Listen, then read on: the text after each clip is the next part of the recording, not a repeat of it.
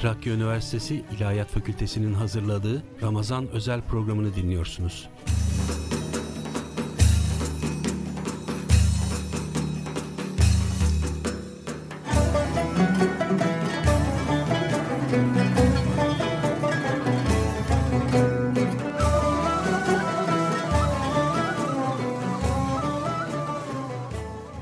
Trakya Üniversitesi Radyosu Radyo Güne Bakan'da 106.2 frekansında sizlerle birlikteyiz.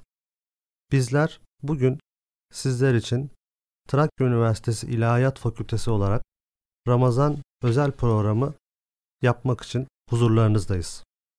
Ben doçent doktor Abdullah Taha İmamoğlu, diğer hocamız ise doktor öğretim üyesi Fatih Yakar.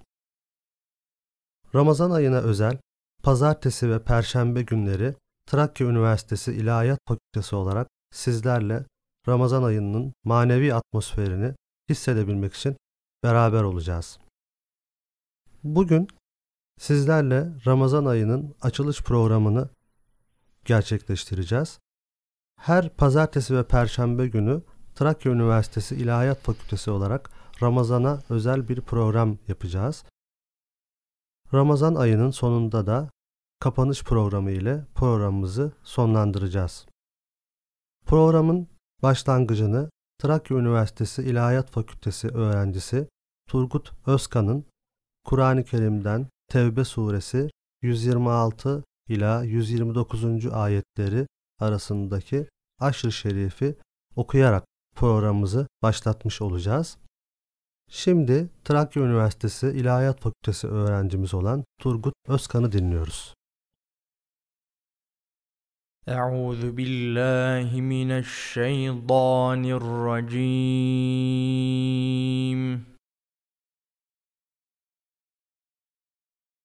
بسم الله الرحمن الرحيم.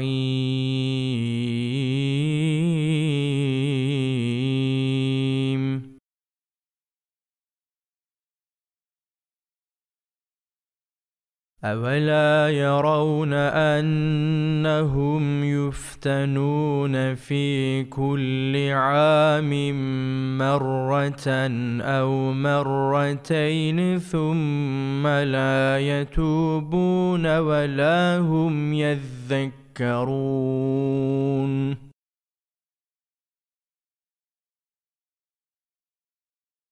وإذا ما أنزلت سورة نظر بعضهم إلى بعض هل يراكم من أحد ثم انصرفوا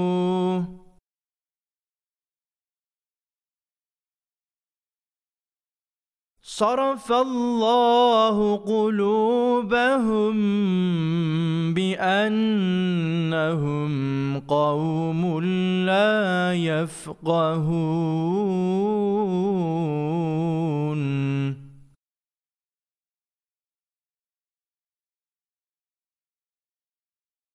لقد جاءكم رسول أنفسكم عزيز.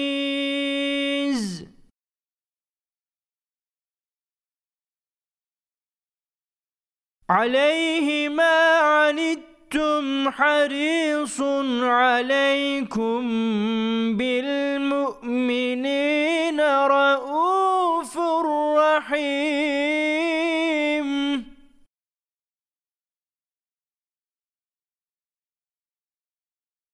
فإن تولوا فقل حسبي الله لا إله إلا هو عليه توكلت وهو رب العرش العظيم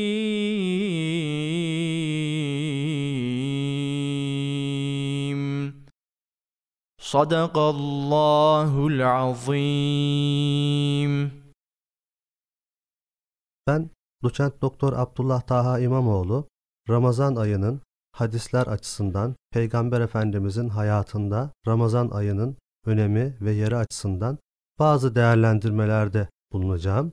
Programımızın sonunda dini musiki hocamız doçent doktor Abbas Yahya ve ekibinin okuyacağı bir ilahi ile programımızı sonlandıracağız. Tüm dinleyenlerimizin Ramazan'ının hayırlı bir şekilde geçmesini e, Cenab-ı Allah'tan niyaz ediyoruz. Bütün dinleyenlerimize hayırlı Ramazanlar dileyerek programımıza başlamak istiyorum. Ben bugün Ramazan ayının hadis-i şeriflerde ve Peygamber Efendimizin hayatında nasıl bir yer e, teşkil ettiğine dair bazı izahlar e, yapacağım. Fatih Yakar hocamız da Ramazan ayının İslam hukuku açısından tahlilini, oruç ibadetinin İslam hukuku açısından tahlilini yapacak ve bu şekilde programımızı sonlandıracağız. Kıymetli dinleyenler, Peygamber Efendimiz Aleyhisselatü Vesselam'ın şöyle bir hadis-i şerifi var. Ramazan ayını ve bu ayın Allah katında ne kadar değerli olduğunu bildiren bir hadis-i şerif.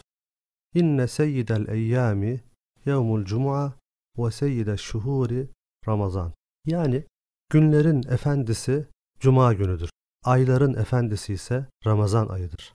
Kıymetli dinleyenler, aslında bu ifadeler bizlere her günümüzün, her vaktimizin ne kadar değerli olduğunu ve bu değerli günler içerisinde de bazı anların ve bazı zaman dilimlerinin daha da özel bir anlam ifade ettiğini göstermektedir. Biz hayat planımızı yaparken nasıl günlük programımızı yaparken işimizi, mesaimizi ve ailemizle geçireceğimiz vakitleri, hafta sonumuzu planlıyor isek Allah katında da manevi ayların yaşanması için bir takım plan ve bir takım Peygamber Efendimiz tarafından bize planlamalar yapmamız e, tavsiye edilmiş. İşte bu da nasıl maddi planda geçimimizi temin etmek için bir mesai ya da bir tatil planı yapıyorsak manevi planda da Allah'ın değerli bulduğu, Peygamber Efendimizin önem atfettiği, değer verdiği günlere günlük hayatımız içerisinde daha fazla önem vermemiz ve daha fazla bu vakitlerin kıymetini bilmemiz gerekiyor.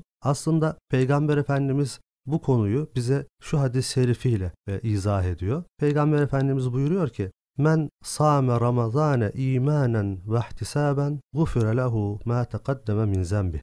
Yani her kim Ramazan ayını oruç ile geçirir ve bu aya iman ederek gerçekten samimi bir şekilde Allah'a inanarak Allah'ın bu ayı değerlendirdiğini bilerek eda ederse Allah onun bütün günahlarını affeder. Her kim Ramazan ayını samimi bir şekilde teravih namazlarını kılmak, gündüz oruçlarını tutmak, aynı şekilde mukabele dediğimiz Kur'an-ı Kerim tilavet etmek suretiyle geçirmeye ve eda etmeye gayret gösterirse allah Teala onu sanki hiç günah işlememiş gibi günahsız bir hale büründürür. Bu da aslında bu tür ayların, bu tür vakitlerin bizleri yeniden hayata başlamak, yeniden bir hayata hazırlamak, tabiri caizse önümüzde yeni bir sayfa, e, beyaz, temiz bir sayfa açmak için Allah tarafından bize sunulan ikramlardır ve bu ikramları bizler bu manevi zaman dilimlerini değerlendirerek geri çevirmememiz gerekir. Mesela içinde bulunduğumuz bölge ziraatin, tarımın Türkiye'de çok önde gelen, ileri gelen bir bölgesi. Bir çiftçi düşünelim. Bu çiftçi toprağını hazırlasın, eksin ama hasat zamanı tatile gitsin. Mümkün değil. Hiçbir çiftçi hasat zamanı toprağını bırakıp tatile gitmez. Niçin? Çünkü hasat zamanı onun bütün o seneki gayretinin ve emeğinin karşılığını göreceği an dilimidir. İşte bu açıdan Ramazan ayı da bütün bir yıl içerisinde bizim tabiri caizse hasat zamanımız. Yani manevi olarak bizi doyuran, manevi olarak bizi arındıran, manevi olarak günahlardan bizi temizleyen bir zaman dilimidir. Bunun için Ramazan ayını hem bir hasat ayı hem de bu hasadın akabindeki bir muhasebe ayı olarak düşünmemiz lazım. Niçin? Çünkü bugün hayat pahalılığı ve ekonomik şartlar çiftçilerimizi o kadar zorluyor ki mecburen ekmiş olduğu ürün ile almış olduğu ürün arasında hasat bir muhasebesini yapmak durumunda. Yani bu açıdan bu aylar bizim aynı zamanda hasatın akabindeki muhasebe aylarımız. Yani biz manevi olarak nasıl bir durumdayız? Manevi olarak nasıl bir hayat geçirdik? Bugüne kadar ailemizle, akrabalarımızla, çevremizdeki insanlarla nasıl anılıyoruz, nasıl bir hayat sürdük. Acaba bundan Allah katında onun huzuruna çıktığımız zaman mahcup olup boynumuzu önümüze mi eğeceğiz yoksa etrafımızdaki insanlarla beraber mutlu mesut bir şekilde Allah'ın huzurunda hesap verebilecek miyiz? Aslında Ramazan ayları bizler için birer hasat ayı olduğu gibi aynı zamanda bir muhasebe ayı. Niçin? Çünkü Kur'an-ı Kerim'de Allahü Teala buyuruyor ki: "Ve ma halaktul cinne vel insa illa liyabudun." Yani Allahü Teala insanları ve cinleri ancak ve ancak kendisine ibadet etsinler diye yaratmış. Yani bu noktada bizim hayat gayemiz Allah'ın kulu olduğumuz bilincinde olarak Allah'a ibadet etmek, onun bizden istediklerini yerine getirmek, onun bizden istediği sorumlulukları eda etmek. Bu noktada Ramazan ayı dediğimiz zaman Peygamber Efendimizin bu ay içerisindeki uygulamalarına baktığımız zaman oruç ibadetinin bir takım sünnetleri yani Peygamber Efendimizin tatbikatında ihmal etmediği davranışlar olduğunu görüyoruz. Bunlardan birisi mutlaka sahura kalkmak ve bu sahuru sabah ezana yakın bir vakitte yaparak sahuru geciktirmek. Yani ezana yakın bir zaman diliminde sahur yapmak. Bu maalesef günümüzde hayat ve teknoloji o kadar hızlı bir şekilde akıyor ki insanlar sahura kalkmaktan ziyade geceleyin yiyip ertesi gün orucunu o şekilde tutmak şeklinde bir davranış geliştiriyorlar. Fakat bu davranış hem sağlık açısından hem de gecenin o manevi atmosferini yakalamak açısından bizi birçok şeyden aslında mahrum bırakıyor. Çünkü Peygamber Efendimiz buyuruyor ki Sahur yapınız, sahura kalkınız. Çünkü fe inne fis sahuri bereketun. Sahurda bir bereket vardır. Eğer biz bu berekete hanemizde, evimizdeki insanlarla mutlu bir şekilde bu oruç ibadetini gerçekleştirmek ve eda etmek istiyorsak sahura kalkıp o sahur atmosferini, o bereket atmosferini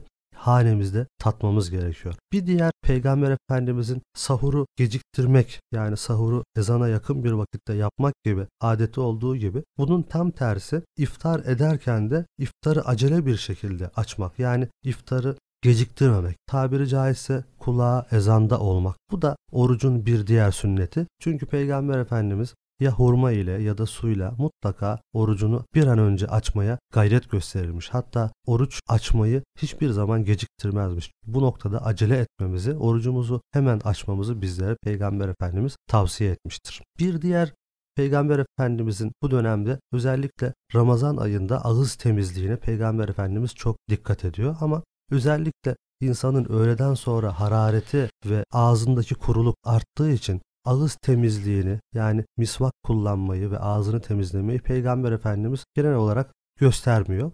Daha önce öğle öncesinde yani o kuruluğu giderecek şekilde bir nem oluşmasın ağızda oruç ibadeti e, zedelenmesin diye öğlenden sonra ağız temizliği yapmamak gibi yani misvak kullanmamak gibi bir de Peygamber Efendimizin hassasiyeti var. Bir diğer bu ibadette Peygamber Efendimizin her zaman diliminin dışında yani Ramazan ayında Peygamber Efendimizin kendisine ait bir cömertlik duygusuna sahip olduğunu ve bu ayda yapmadığı kadar hayır yaptığını, sadaka verdiğini, fakirleri, muhtaçları gözettiğini görüyoruz. Bu noktada özellikle zekatlarımızı, hayırlarımızı mali olarak yapacağımız zaman Ramazan ayında değerlendirmemiz de yine Peygamber Efendimizin bir diğer uygulaması. Bir diğer uygulaması ise özellikle iftar sofralarında insanlara ikram etmek yani yemek vermek ve insanları soframıza dahil ederek, akrabalarımızı dahil ederek, arkadaşlarımızı dahil ederek iftar sofralarının tabiri caizse bir şenlik havasında, bir bayram havasında geçmesine zemin hazırlamak. Bu da tabi her kim Peygamber Efendimiz buyuruyor ki bir kimsenin iftar açmasına vesile olursa her kim bir insana iftar sofrası hazırlar ve onu orucunun açılmasına vesile olursa o da o oruçtan sevabını alır. Yani oruç tutanın sevabından hiçbir şey eksilmez ama ona o ikramı yapan da o sofradan sevabını fazlasıyla oruç ibadetinden elde etmiş gibi olur. Bu noktada soframızı Ramazan ayında diğer zamanların dışında insanlara açmamız, özellikle yakın çevremize, akrabalarımıza, komşularımıza, arkadaşlarımıza açmamız ve Ramazan ayının bereketini evlerimizde de hissetmemiz gerekiyor. Bir diğer Peygamber Efendimizin bu ayda sıklıkla uyguladığı ibadetlerden birisi de Kur'an-ı Kerim'i çokça okuyup Allah'ın ayetlerini ve Allah'ın kitabını tefekkür etmek ve bunu mukabele dediğimiz bizim camilerimizde icra edilen programlara dahil olmak suretiyle de gerçekleştirmemiz mümkün. Mukabelede bilirsiniz hafızlar, sesi güzel Kur'an-ı Kerim tilaveti icra eden hoca efendiler Kur'an-ı Kerim'i başından sonuna kadar her gün bir cüz okumak suretiyle bütün bir ayı hatim ederek tamamlarlar ve biz de o meclislere dahil olduğumuz zaman Kur'an-ı Kerim okumayı bilmiyorsak bile o mukabeleye başından sonuna kadar takip ettiğimiz zaman Kur'an-ı Kerim'i başından sonuna kadar hatim etmiş kabul ediliyoruz. Bu da Peygamber Efendimizin Cebrail aleyhisselamla her Ramazan'da Kur'an-ı Kerim'i mukabele ettiğini biz hadis-i şeriflerden biliyoruz. Bu da bize Kur'an-ı Kerim'in özellikle Ramazan ayında fazla okunması gerektiğini ve dinlenilmesi gerektiğini, üzerinde tefekkür edilmesi gerektiğini, Allah'ın ayetlerinin bol bol dinlenilmesi ve istifadesi açısından Ramazan ayının önemini ortaya koyuyor. Bir diğer Peygamber Efendimizin sünneti e, özellikle Kadir Gecesi'nin içinde bulunduğu son 10 günün ilk gecelerinde Kadir Gecesi'ni aramaya yönelik bu günü keşfetmeye, bu günü idrak etmeye yönelik bir gayret gösterdiği. Bu noktada Peygamber Efendimizin Kadir Gecesi'ni Ramazan ayının son 10 gününün tek gecelerinde aramamız gerektiğine dair bir tavsiyesi var. Bu noktada 27. gecesinin kuvvetle muhtemel Kadir Gecesi olduğu alimler tarafından ifade edilmiş. Bizler de Kadir Gecesi'nde sizler için özel bir program hazırladık. Bu geceyi sizlere Trakya Üniversitesi İlahiyat Fakültesi hocalarımızdan doçent doktor Mustafa Şentürk ve araştırma görevlisi Mustafa Kemal Koca anlatacaklar ve bu gecenin nasıl değerlendirilmesi gerektiğinden bahsedecekler. Ben şimdi sözü İslam Hukuku Anabilim Dalı Başkanı Doktor Öğretim Üyesi Fatih Yakar'a devretmek istiyorum. Hocamız bizlere oruç ibadetinin İslam hukuku açısından tahlilini yapacak ve kıymetli değerlendirmelerde bulunacak. Buyurun hocam. Bismillahirrahmanirrahim. Elhamdülillahi Rabbil alemin. Ala Resulina Muhammedin ve ala alihi ve sahbihi ecma'in. Rabbi şrahli sadri ve yessirli emri ve ahlul uqdeten min lisani yefkahu kavli ve ba'd. Ben öncelikle Radyo Güne Bakan dinleyicilerinin sesimizin ulaştığı herkesin Ramazan-ı Şerifini tebrik etmek istiyorum. Rabbim hayırlı bereketli eylesin.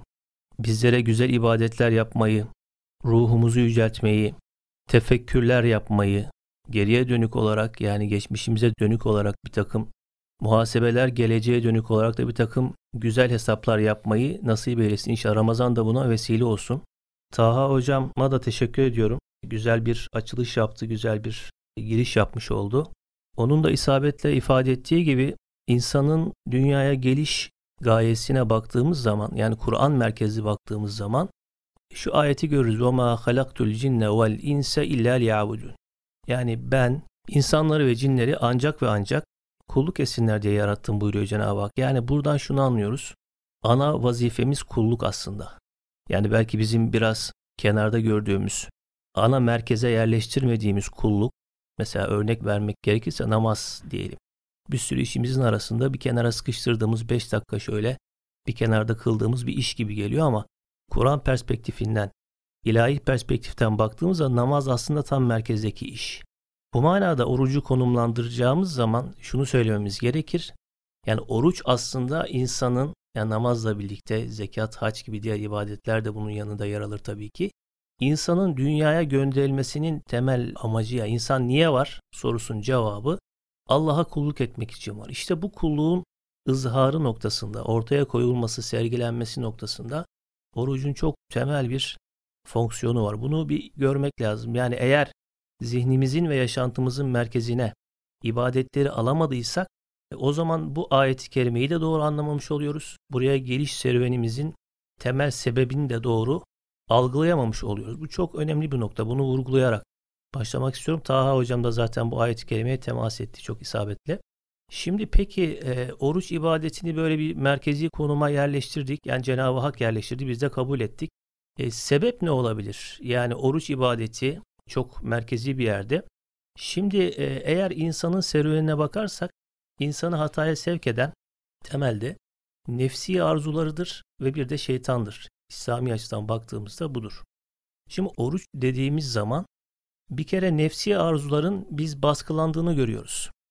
Yani mahsus bir zamanda kendine ayrılan işte tanyenin ağarmasından ve akşam namazına kadar olan süre zarfında yeme, içme ve cinsi münasebetten uzak durma şeklinde ortaya çıkan bir tutmadan bahsediyoruz. Zaten oruç kelimesi efendim Arapçası savm, insanın kendisini tutması, bir şeye karşı tutması, kaçınması, kaçması. E, savm çoğulu sıyam gelir. Bunun Farsçadaki karşılığı da aynı anlamı içeren kelime ruze kelimesi. Bunun Türkçeleşmiş biraz da değişerek Türkçeleşmiş hali oruç. Demek bir sakınma hali. Şimdi baktığımız zaman kulluğumuzun önündeki en büyük engeller nefis ve şeytan engellerini çok ciddi manada devreden çıkaran bir ibadetten bahsediyoruz. Yani şimdi yiyecekler e, ya da nefsimizin arzularını tatmin etme noktasında biz kendimizi frenleyemezsek işte o zaman hataya doğru yönelmiş oluyoruz. Arzularımıza, heva hevesimize meyletmiş oluyoruz. İşte oruç burada bir fren vazifesi görüyor. Birinci nokta bu. Yani nefsimizin arzularını bedenimize giren gıda maddeleriyle frenleme noktası birinci nokta. Peki şeytanın e, frenlenmesi meselesi nasıl olacak? Yani ne dedik? İnsanı yanlış noktaya sevk eden ya da hata yapmasına sebep olan arzularını durdurduk. Bir de şeytan var. İşte bu noktada Cenab-ı Hak ne buyuruyor? Ramazan ayında şeytanlar e, zincire vurulur buyuruyor. Değil mi? Cennet kapıları açılır, cehennem kapıları kapanır. Demek ki o manevi planda bizi doğruya ileten bir engeli de Cenab-ı Hak kaldırmış oluyor. Şimdi biraz güncel bir örnekle izah etmek gerekirse bu iki yıldır malum küresel olarak bizi çok ciddi rahatsız eden sadece Türkiye'yi bütün dünyayı rahatsız eden bir koronavirüs salgını var. Şükür yavaş yavaş bitme noktasına geldi en azından Türkiye'de ve bunun için de hamd ediyorum. Hatta e, iki sene önce biz bir Trakya Üniversitesi İlahiyat Fakültesi olarak program yapmıştık. Orada henüz başındaydık salgının ve e, dua etmiştik ya Rabbi kurtar bizi bu beladan diye. Şükür iki sene sonrasında hemen hemen aynı dönemlerde bugün kurtulmaya yakınız diyebiliyoruz. Şimdi mesela bu koronavirüs salgını ile bizim gündemimize gelen giren bir ifade var. Bulaş zinciri diye. Bulaş zinciri. İşte bunun için aşılar yapılıyor kapalı ortamlarda işte maskesiz durulmuyor mesafeler vesaire. Şimdi e, bu görmediğimiz bir virüs ama etkili bir virüs. Canlar aldı aramızdan. Efendim Allah rahmet eylesin onlarda. insanlar hastanelerde yattı. Kimisi vefat etti, kimisi iyileşti, kimisinde hasarlar kaldı. Şimdi bir de manevi olarak, manevi olarak bulunduğumuz ortamlardan bizim görmediğimiz, bize bulaşan negatif şeyler var. Ruhumuza bulaşan, bizim manevi hayatımızı etkileyen, Allah'a yaklaşmamızı etkileyen, engelleyen bir takım e, durumlar var. İşte bizim anladığımız kadarıyla yani bu Cenab-ı Hakk'ın işte nefsin arzularını oruçla durdurması, efendim bir de şeytanların zincire vurulması şeklindeki bu ifadelerden şunu anlıyoruz. Aslında manevi anlamda negatif bulaşların Allah tarafından engellendiği bir süreç. Yani biz fark etmiyoruz nasıl koronavirüsü görmüyorsak bu manevi olarak kimden bize ne bulaştığını da bilmiyoruz. Hangi ortamda ne bulaşır. İşte Cenab-ı Hak diyor ki ben o manevi bulaş ihtimallerini de ortadan kaldırıyorum diyor. Çok muhteşem bir şey. O metafizik planda bir alan açıyor bize. Hadi şimdi diyor bana yaklaşın. Ya yaklaşacağız ama nefis var tamam nefsi durdurduk. E şeytanı ne yapacağız? Şeytanı da ben durdurdum diyor. O manevi bulaş ortamını kaldırıyorum. Şimdi siz bir yoğunlaşın. Şu insanlığınızın bir farkına varın. Nasıl lezzetler alıyorsunuz? İşte aslında Ramazan ve oruç buradan bakıldığında müthiş bir tecrübedir. Yani ileriye dönük ben neyim? Hani varlık düzleminde neyim? Ee, ne için geldim? İçsel olarak bir seyahate çıkarsam nerelere varabilirim? Bu bana ne katar? Nasıl lezzetler katar? İşte böyle bir şey. Bunun bütün imkanları Allah tarafından hazırlanıyor Ramazan ayında. O yüzden çok müthiş bir sahadır Ramazan ayı. Değerlendirilmesi gereken bir sahadır. Bunu anlamak, algılamak lazım. Şimdi e, bu konuda çok şey söylenebilir belki. Yani Ramazan'ın ve orucun mahiyetiyle ilgili. Fıkhi mahiyetine gelince yani fıkhi mahiyet dediğimiz İslam hukuku açısından mahiyetine gelince orucun e, rüknünden bahsetmemiz gerekir. Rükün nedir? Bir yapıyı oluşturan yapı taşına rükün diyoruz biz. Ana unsura rükün diyoruz. Yani orucu bir çekirdek gibi düşünürsek o çekirdeği kırdığımızda içinden ne çıkar? Rükün bu oluyor. İşte orucun rüknü İslam hukuku açısından ana unsuru imsaktır. İmsak ise oruç müddeti boyunca oruç yasaklarına karşı insanın kendisini tutması demektir. İmsak bu demektir. Bizim e, ülkemizde imsak denince daha çok o tutmanın başladığı an algılanıyor. Yani başlangıç noktası imsak. Tamam o da imsak. Çünkü o dakikada başlıyoruz ya. O da imsak ama bizim o süre zarfında yapmamamız gereken işlerden kaçmamız da imsak. Ve bunun sonucunda oruç yasaklarının bittiği noktaya da biz iftar diyoruz. Şimdi buradan bakıldığında aslında çok basit. Cenab-ı Hak belli bir zaman diliminde bir takım işleri ki işte İslam'da yeme içme cinsi münasebetten kaçınma. Bunları yapmama budur. Rükün budur. Bunu gerçekleştirdiğiniz zaman oruç tutmuş olursunuz. Şimdi orucun rüknü buysa orucu bozan şey de aslında imsakı bozan şey neyse orucu bozan şey de odur. Yani kendini tutma fiili nasıl sona eriyorsa bu yemek yemek şeklinde olabilir. Hatta eski kadim ulema işte insanın bedenine bir işte iğne bassa ne olur? Yani bedene bir şey giriyor ya neticede. İmsak bozulur mu bozulmaz mı? Ben Allah'a tutma e, sözü verdim neticede. İmsakı bozan her şey de orucu bozar. Demek ki orucu fıkhi açıdan, İslam hukuku açısından tahlil ettiğimizde tutma, kişinin kendisini tutması. Ne zaman? Belli bir zaman diliminde. Peki herkes mi? Hayır herkes değil. Bir kere Müslüman olacak. Bir, akıllı olacak. İki, bali olacak. Üç. Yani Müslüman olmayan zaten mükellef değil. Efendim aklı olmayanın zaten sorumluluğu yok. Aklı var fakat buluğa ermemiş. Yani zihni melekeleri gelişmemiş. E demek ki e, Müslüman olmak, akil olmak, bali olmak şartıyla oruç farz oluyor. Efendim belli zaman diliminde mükellef kişinin kendisini tutması şeklinde genel olarak tanımlanabilir. Bir de sıhhat şartı var. O da şu. Efendim e, oruca engel bir durumun olmaması. Yani mesela hanımlardaki özel haller oruç tutmaya engeldir. Ve yine niyet meselesi. Yani oruç tutmaya niyet etmeniz gerekiyor. Yoksa bunun bir perhizden bir farkı kalmaz. Yani ben yemek yemiyorum, su içmiyorum. E peki oruçlu muyum? Hayır. Yani niçin yaptığım önemli. Buradan şuraya da geçmek istiyorum. Yani orucun hep böyle sıhhat ile ilgili faydalarına temas edilir. Yani bir sürü araştırma var. Yakın zamanda bir bilim adamı yeni bir araştırma daha yayınladı. Orucun faydaları ile ilgili. Çok doğrudur ama buraya indirgemek ve Allah'ın rızasını kazanma e, amacını ötelemek çok yanlış. Yani niye oruç tutuyorsun? İşte biraz daha işte zayıflarım, biraz daha fit olurum. Kolesterol çok yüksek, şekerim düşsün. Efendim tansiyon dengeye girer. E, o zaman sen anlamamışsın kullukta bir seviye atlamak için oruç tutuyorsun. Ya az bir iş de değil, ciddi bir iş. Kaldı ki sadece bedeni bir riyazet değil, aynı zamanda fikri bir riyazet. Aynı zamanda işte orucun iyi fiillerle, kötülüklerden kaçınarak, dili yalandan koruyarak, kulağı efendim gıybetten koruyarak, dili ve kulağı işte gıybetten koruyarak ne kadar kötülük varsa bunlarla da besleyerek sen e, bedeni riyazetini yaparsan oruç tutmuş oluyorsun. Yani o e, bedeni faydaları biraz önceliyoruz, öncelemeyelim demiyorum ama o ana gayeyi de kaçırmamak lazım ki o da nedir? Allah'ın kulu olduğumuzu anlamak. Onun katına doğru yükselmek, uruc etmek. Bunları bunları kaçırmamak lazım ve klasik kaynaklarımızda bu çok vurgulanır. Allah'ın rızasını kazanma amacını ötelemek sizin e, diğerlerini de düşünebilirsin. Bedeni faydalarını düşünebilirsin. Sıhhat faydalarını düşünebilirsin. Ama öbürü çok önemlidir. Çünkü bir tane hayatımız var. Bir kere geldik, yaşayacağız, gideceğiz. Burada kendimizi kamil bir insan haline getiremezsek ahirette kamil insanlarla bir arada bulunma şansımız yok. Yani burada da mutlu olacağız tabii ki. Ama ahirette de biz eğer peygamberlerle, salih insanlarla yan yana gelmek istiyorsak o ruhi olgunluğa burada erişmemiz gerekiyor. Hani ben yeteri kadar olgunlaşamadım, beni burada biraz daha olgunlaştırın, alın demek gibi lüksümüz de yok.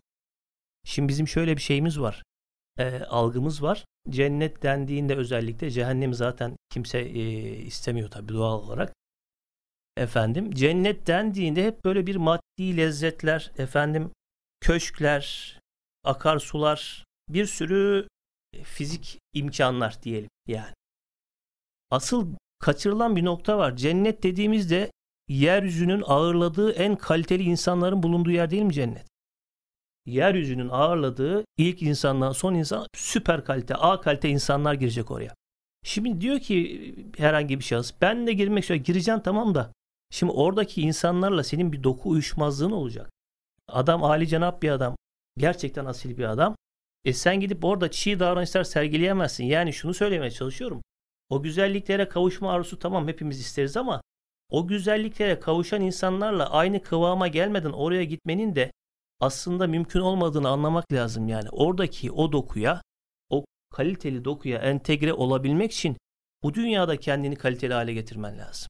İşte oruç bu kaliteyi meydana getirmede muhteşem bir fonksiyona sahip. Yani şaka değil, özellikle yaz aylarında tutulan bir oruç insanı ciddi manada yukarı doğru taşır. Ya eğer hakkını verdiyseniz, eğer niyetiniz, samimiyetiniz yerindeyse, arka planı altı doluysa o zaman işte muhteşem iş yapmışsınız demektir. Bu manada e, oruç bir fırsattır. E, herkes anlayamaz, anlamak lazım. Zaten Kur'an-ı Kerim'de oruçla ilgili sizden öncekilere farz kılındığı gibi ya eyyühellezine amenü kütibe aleykumus siyamu kema kütibe alellezine min kablikum sizden öncekilere de farzdı. Önemli yani sadece size değil.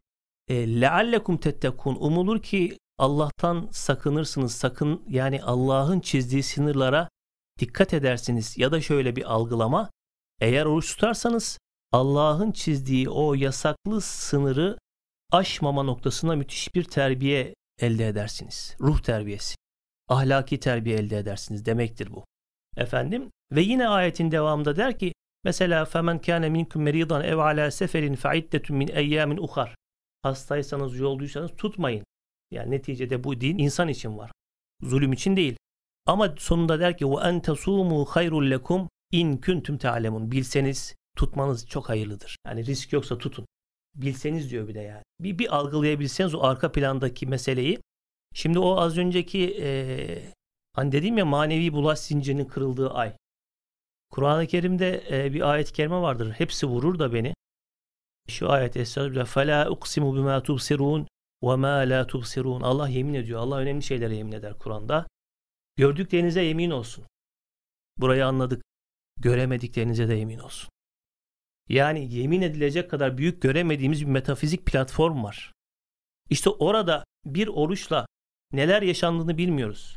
Bilmiyoruz. Nasıl yüceldiğimizi, Cenab-ı Hakk'ın bize ne lütuflarda bulunduğunu bilmiyoruz. O manada değerlendirmeliyiz, hakkını vermeliyiz ve kat sayısı çok yüz, yüksek e, sevaplar elde edebileceğimiz ve yine geriye dönük günahlarımızı silebileceğimiz bir aydır Ramazan ayı. Ben e, sözlerimi çok fazla uzatmak istemiyorum. Bu imkanı bize tanıyan Radyo Güne Bakan e, ailesine çok teşekkür ediyorum. Allah razı olsun onlardan. E, inşallah bu Trakya Üniversitesi İlahiyat Fakültesi olarak gerçekleştirdiğimiz, gerçekleştireceğimiz bu ilk program olması hasebiyle bundan sonraki programlar için de söylemiş olayım. Programlar e, hayırlara vesile olsun, güzelliklere vesile olsun. Hem ülkemiz için hem dünya insanlığı için güzel günler yakın olsun inşallah.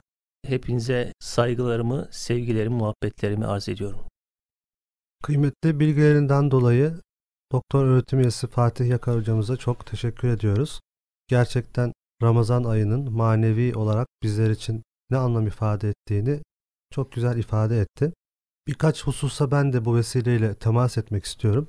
Bazı hadis-i şeriflerde Peygamber Efendimiz Ramazan ayında gerçekten samimi bir şekilde Allah'a inanarak, bu ayın faziletine inanarak, bu ayda yapılan ibadetlerin Allah katında ne kadar önemli olduğuna iman ederek bu ayı eda edenlerin geçmiş ve gelecek bütün günahlarının affolunacağını müjdeliyor.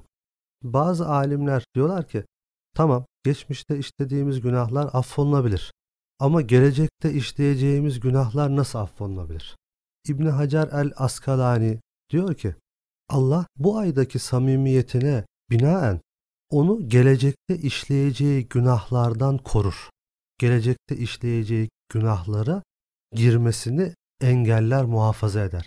Yani biz bu ayda gönülden ve samimi bir şekilde öyle bir ibadet ederiz ki Allah'ın sevdiği, onun rızasını kazanacağı öyle bir davranışta bulunuruz ki mesela bir ihtiyaç sahibini görürüz, elimizi o anda cebimize atarız, onun ihtiyacını karşılarız. Ezan vakti iftar edemeyen çaresiz bir aile ferdi görürüz. Ailesine iftariye götürsün diye ona maddi olarak destek alırız. Ya da üniversitemizde fakir ve ihtiyaç sahibi öğrencilerimiz var ise üniversitemizin de desteklediği bir öğrenci de sen okut projesine katkıda bulunuruz ve öğrencilerimize maddi olarak destek oluruz. iftar edemeyen öğrencilerimize iftar sofrası açarız. Sahur yapamayan öğrencilerimize sahur sofrası açarız. Bölgemizdeki ihtiyaç sahibi insanların ihtiyaçlarını karşılarız. Bu bizim etrafımızdaki, çevremizdeki insanlara olan duyarlılığımız Allah katında da belki çok hoşa giden bir davranış olur ve bu davranışımıza binaen bizleri yapacağımız ileride düşeceğimiz hatalardan Allah koruyabilir. Hangi davranışımızda gerçekten Allah'ın rızasının olduğunu takdir edemeyiz. Ki bu noktada Peygamber Efendimizin aslında bu ayın ahlaki olarak bizi olgunlaştırmaya yönelik bir ay olduğunu ifade etmek için söylediği şu ifade de çok manidar. Eğer siz bu ayda oruç tutuyor ancak yalanı, dedikoduyu ve her türlü kötülüğü işlemeye devam ediyorsanız, bu kötü davranışları bırakmıyorsanız, Peygamber Efendimiz buyuruyor ki Allah'ın sizin aç kalmanıza ihtiyacı yoktur. Yani demek ki aslında bizim ibadetlerimiz de bizi ahlaken ve manen olgunlaştırmayı amaçlıyor. Yani biz ibadetlerimizi gerçekleştirirken, orucumuzu tutarken, teravih namazlarımıza eda ederken, bu ayı çevremizle manevi bir şekilde, güzel bir şekilde değerlendirmeye gayret gösterirken, ahlaki olgunluk içeren davranışları da beraberinde sürdürmemiz gerekiyor ki yaptığımız ibadetler bizi ahlaken olgunlaştırsın ve az önce Fatih hocamızın da söylediği o A sınıfı insanlar grubuna biz de dahil olabilelim. Eğer ahlaki zaaflarımızdan bu ayda kurtulamıyorsak, ahlaki zaaflarımızı terk edemiyorsak, bu noktada oruç bize aslında manevi olarak çok fazla bir katkıda bulunmuyor demektir. Onun için ben bu program vesilesiyle ahlaki zaaflarımızdan arındığımız, manevi olarak kendimizi olgunlaştırdığımız bir Ramazan ayı geçirmemizi bütün dinleyicilerimizden Allah'tan niyaz ederek e, konuşmamızı bu temennimiz ile bitirmiş olalım ve Ramazan ayı boyunca Trakya Üniversitesi İlahiyat Fakültesi hocaları olarak sizleri bu aya dair manevi atmosferin anlaşılmasına, bu ayın daha nasıl güzel, verimli geçebileceğine dair programlarla bilgilendirmeye gayret göstereceğiz. Yine hepinize hayırlı Ramazanlar dileyerek bu ayın bizler için, ailemiz için, hatta şu anda bütün dünyayı etkisi altına alan iki ülkenin savaşının sona ermesi için bir niyaz olarak düşünelim ve akan insan kanının bir an önce durmasında Allah'tan niyaz ederek bu Ramazan ayının hayırlara vesile olmasını, dünyadan her türlü kötülüğün ortadan kalkmasını niyaz ederek programımızı bitirmiş olalım. Siz sevgili Radyo Güne Bakan dinleyicileri hepinizin Ramazan-ı Şerifi hayırlı olsun. Ben doçent doktor Abdullah Taha İmamoğlu. Ramazan özel programında siz kıymetli dinleyenlerimizle birlikte olduk. Ramazan ayının manevi havasını anlamaya, mahiyetini anlamaya gayret gösterdik. Bu konuda bizleri bilgilendiren Doktor öğretim üyesi Fatih Yakar hocama teşekkür ederek programımızı sonlandırmak istiyorum. Ben teşekkür ederim. Çok sağ ol Taha hocam. Ee, böylelikle ilk programımızı gerçekleştirmiş olduk. Ee, bundan sonra Radyo Güne Bakan'da 106.2 frekansında e, Ramazan ayı boyunca Ramazan özel programı pazartesi ve perşembe günleri saat 18'de icra edecek inşallah. E, muhtelif hocalarımız, akademisyenlerimiz kendi sahaları ile ilgili ama Ramazan perspektifinden sizleri bilgilendirecekler. E, inşallah bereketli olur, faydalı oluruz. Ümidimiz, amacımız, gayemiz bu. Sizleri şimdi Trakya Üniversitesi İlahiyat Fakültesi öğretim üyesi doçent doktor Abbas Yahya hocamızın icra edeceği ilahi e, dinletisiyle baş başa bırakıyoruz. Çok teşekkür ederiz bizleri dinlediğiniz için. Sağ olun, var olun, Allah'a emanet olun. Devran bu devran, seyran